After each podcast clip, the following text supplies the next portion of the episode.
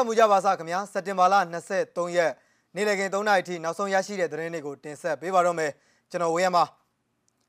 မင်းတပ်နဲ့ကံပက်လက်မြို့တွေမှာတိုက်ပွဲကြောင့်လူနေအိမ်တွေပျက်စီးဆုံးရှုံးရပါတယ်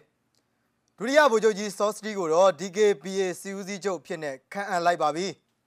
မင်းတပ်မှာစစ်ကောင်စီလက်နက်ကြီးနဲ့ပစ်ခတ်လို့ရိုမန်ကက်သလစ်ဘုရားကျောင်းဝန်ထိခိုက်ပျက်စီးခဲ့ရပါတယ်တာပေါင်းမြို့နယ်မှာတော့အောက်ဆီဂျင်စက်ရုံစောက်ဖို့အကြောင်းပြပြီး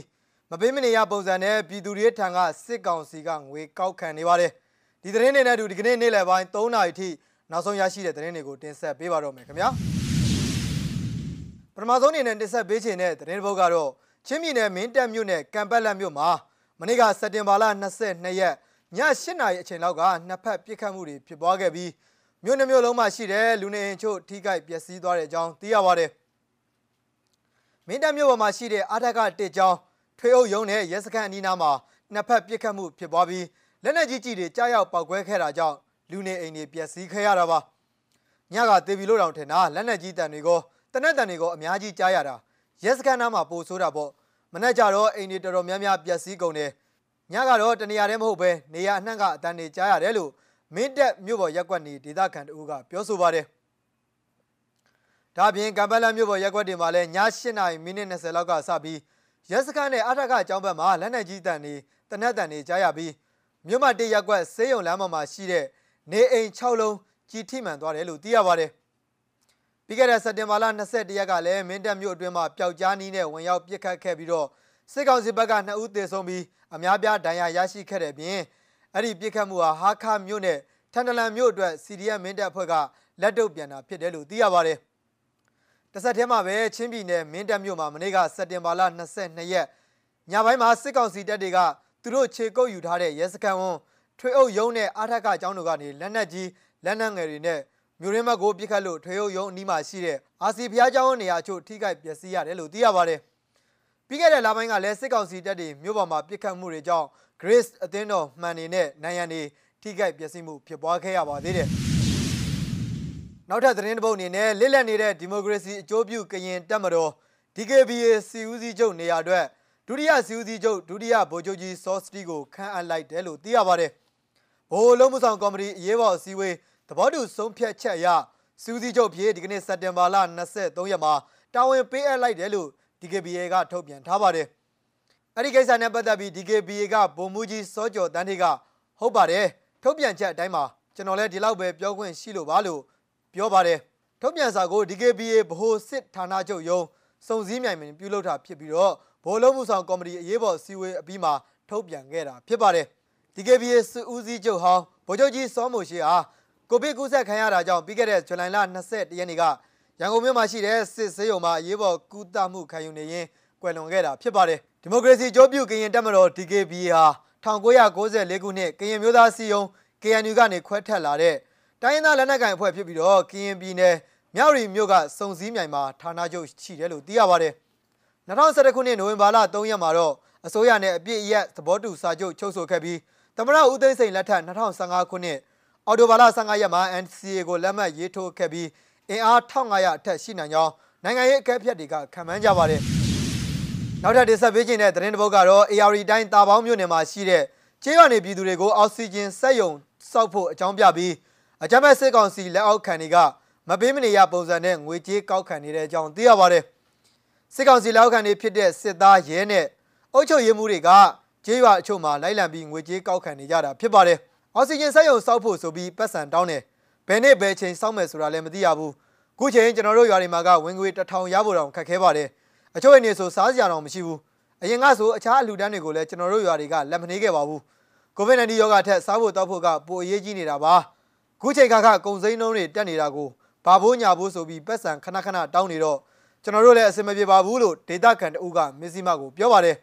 ကျေးရွာအုပ်စုတစ်ခုကို15သိန်းကနေကျပ်သိန်း20အထိနှုံးထားတွေတတ်မှတ်ပြီးကျေးရွာတွေအတွင်းမှာရှိတဲ့အိမ်တအိမ်ကို3000ကျပ်ဈေးဆိုင်နဲ့ဆက်လေပိုင်တဲ့အိမ်တွေကိုဆိုရင်တအိမ်ကို9000ကျပ်နှုံးနဲ့တောင်းယူနေတယ်လို့သိရပါတယ်စာဝတ်နေရခက်ခဲတွေဖြစ်ပေါ်နေတာကြောင့်ပေးစရာမရှိဘူးလို့ငဝင်တောင်ကြီးကျေးရွာအုပ်စုကရွာသားတဦးကလည်းပြောပါတယ်။ ရာရီတိုင်းတွင်မှာအခြားမြို့နယ်တွေမှာရှိတဲ့ကျေးရွာတွေကိုလည်းအကြမ်းဖက်စစ်ကောင်စီလက်အောက်ခံတွေကအောက်ဆီဂျင်စက်ရုံစောက်ဖို့အကြောင်းပြပြောဆိုပြီးတော့ကျေးရွာအုပ်စုလိုက်ငွေကြေးတွေတောင်းယူနေကြတယ်လို့သိရပါတယ်။လက်ရှိချိန်မှာတော့ ARV တိုင်းအတွင်းမှာ COVID-19 ရောဂါကူးစက်မှုနှုန်းရောကျသွားတဲ့အခြေအနေတွေရှိနေကြောင်းဒေသခံတွေရဲ့ပြောကြားချက်အရသိရပါတယ်ခင်ဗျာဒီကနေ့ရဲ့နောက်ဆုံးသတင်းတစ်ပုဒ်အနေနဲ့နိုင်ငံတကာသတင်းတွေဘက်မှာတော့လောက်ခလာစာတိုးမြင့်ပေးဖို့အတွက်အာဂျင်တီးနားမှာလက်ဝဲဝါဒီတွေခြိတက်ဆန္ဒပြကြတယ်ဆိုတော့ AFP ရဲ့သတင်းတစ်ပုဒ်ကိုလည်းဆက်လက်တင်ဆက်ပေးချင်ပါတယ်ခင်ဗျာ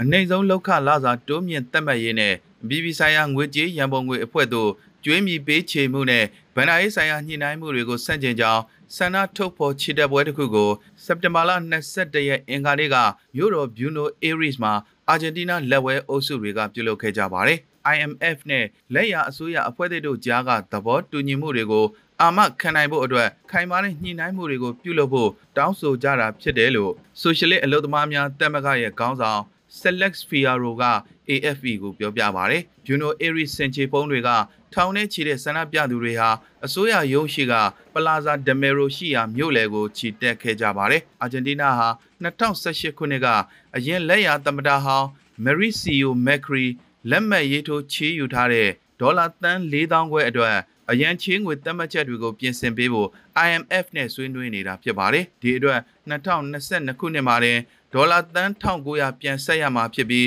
အစိုးရကတော့ငွေမရှိဘူးလို့ဆိုပါတယ်။ဂျားနေလက်ဝဲဖီယွန်နဲ့ကဏ္ဍတွေမှာတခြားဂျားနေလက်ရသမားတွေပါဝင်တဲ့အာနာယမဟာမိတ်အုပ်စုဟာစက်တင်ဘာလ12ရက်နေ့ကဥပဒေပြုအမတ်တွေရွေးကောက်မှုမပါဝင်ပဲလူထုဆန္ဒနဲ့ပြုလုပ်တဲ့မူလရွေးကောက်ပွဲတွေမှာထောက်ခံဆန္ဒမဲတွေအကြီးအကျယ်ဆုံးရှုံးခဲ့ရပါတယ်။ သမ္မတအယ်ဘာဒိုဖာနန်ဒက်စ်အနိုင်ရခဲ့တဲ့2019ခုနှစ်သမ္မတရွေးကောက်ပွဲနဲ့နှိုင်းစာရင်အာဏာရပါတီဟာထောက်ခံမဲရရှိမှု48ရာခိုင်နှုန်းကနေ31ရာခိုင်နှုန်းထိကျဆင်းသွားခဲ့ပါတယ်။အစိုးရဟာဒီကိစ္စကနေဘလို့ရုံထွက်မလဲဆိုတာထက် IMF ကငွေစည်းရင်းတွေပိတ်နိုင်ဖို့ကိစ္စကိုပဲအဓိကထားဆွေးနွေးနေပြီးအကျိုးရွေးကောက်ပွဲတောင်းဆိုမှုဖြစ်တဲ့လောက်ကလာစာတိုးမြင့်ပေးဖို့မပါဘူးလို့ဆန္ဒပြ Barrios de Pais အဖွဲ့ရဲ့ခေါင်းဆောင် Selvia ကဆိုပါတယ်။ လာမယ့်နိုဝင်ဘာ14မှာပြုလုပ်မဲ့ဂျားကာလာဥရေပြုရွေးကောက်ပွဲမှာပါဝင်မဲ့ Neo Liberal တွေနဲ့အတိုက်အခံဂျားနေလက်ရအုပ်စုကတော့မူလရွေးကောက်ပွဲမှာဆန္ဒမဲ40ရာခိုင်နှုန်းထိရရှိထားပြီး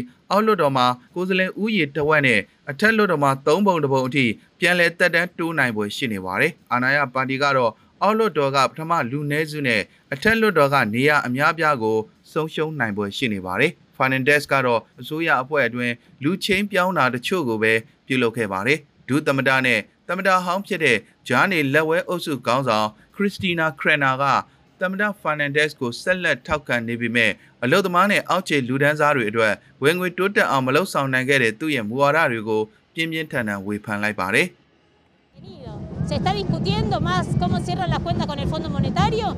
que cómo se hace para salir de esta situación. အစိုးရဟာဒီရွေးကောက်ပွဲမှာဖျက်ရိုက်ခံလိုက်ရတယ်လို့ဖီယာရိုကဆိုပါတယ်2018ခုနှစ်ကတည်းကစီးပွားရေးကျဆင်းလာခဲ့တဲ့ပြည်တွင်းဈေးကွက်ကိုမြင့်တင်ပြီးစင်းရဲမွဲတေမှုနှုန်းကိုလျှော့ချဖို့အစီအမံတွေနဲ့စန္ဒမဲတွေကိုပြန်လည်ရယူနိုင်ဖို့သူမကမျှော်လင့်ထားပါတယ် Decíamos que van a intentar aplicar un fuerte ajuste para poder garantizar လက်ရှိအနေဆုံးလောက်ခလာစား 2960ပြည်ဆိုဟာမယုံနိုင်လောက်အောင်မြင့်တက်နေတဲ့ငွေကြေးဖောင်းပွားမှုကြောင့်ပုံမှန်မိသားစုတစုရဲ့အခြေခံစရိတ်တစ်ဝက်ကိုတောင်မကာမိပဲစင်းရဲမွဲတေမှုနှုန်းဟာလူဦးရေရဲ့40ရာခိုင်နှုန်းထိမြင့်တက်လာခဲ့ပါတယ်။အခုတောင်းဆိုနေတဲ့အနေဆုံးလောက်ခလာစားကပီဆို9000ဖြစ်ပါတယ်။စက်တင်ဘာလ23ရက်နေ့လည်ခင်း3နာရီထိနောက်ဆုံးရရှိခဲ့တဲ့သတင်းတွေကိုတင်ဆက်ပေးခဲ့တာပါခင်ဗျာမဇီမာကိုစောင့်မျှော်ကြည့်ရှုအားပေးကြတဲ့ပြည်သက်အပေါင်းနဲ့မြန်မာပြည်သူပြည်သားအပေါင်း COVID-19 ကရောဂါကကင်းဝေးကဆေးအာနာရှင်စနစ်လက်အောက်ကအမြန်ဆုံးလွတ်မြောက်ပါစေကြောင်းဆုမွန်ကောင်းတောင်းလိုက်ရပါတယ်ထူးခြားတဲ့သတင်းတွေနဲ့အတူကျွန်တော်တို့မကြခင်မှာပြန်လည်ဆုံတွေ့ကြပါမယ်ခင်ဗျာ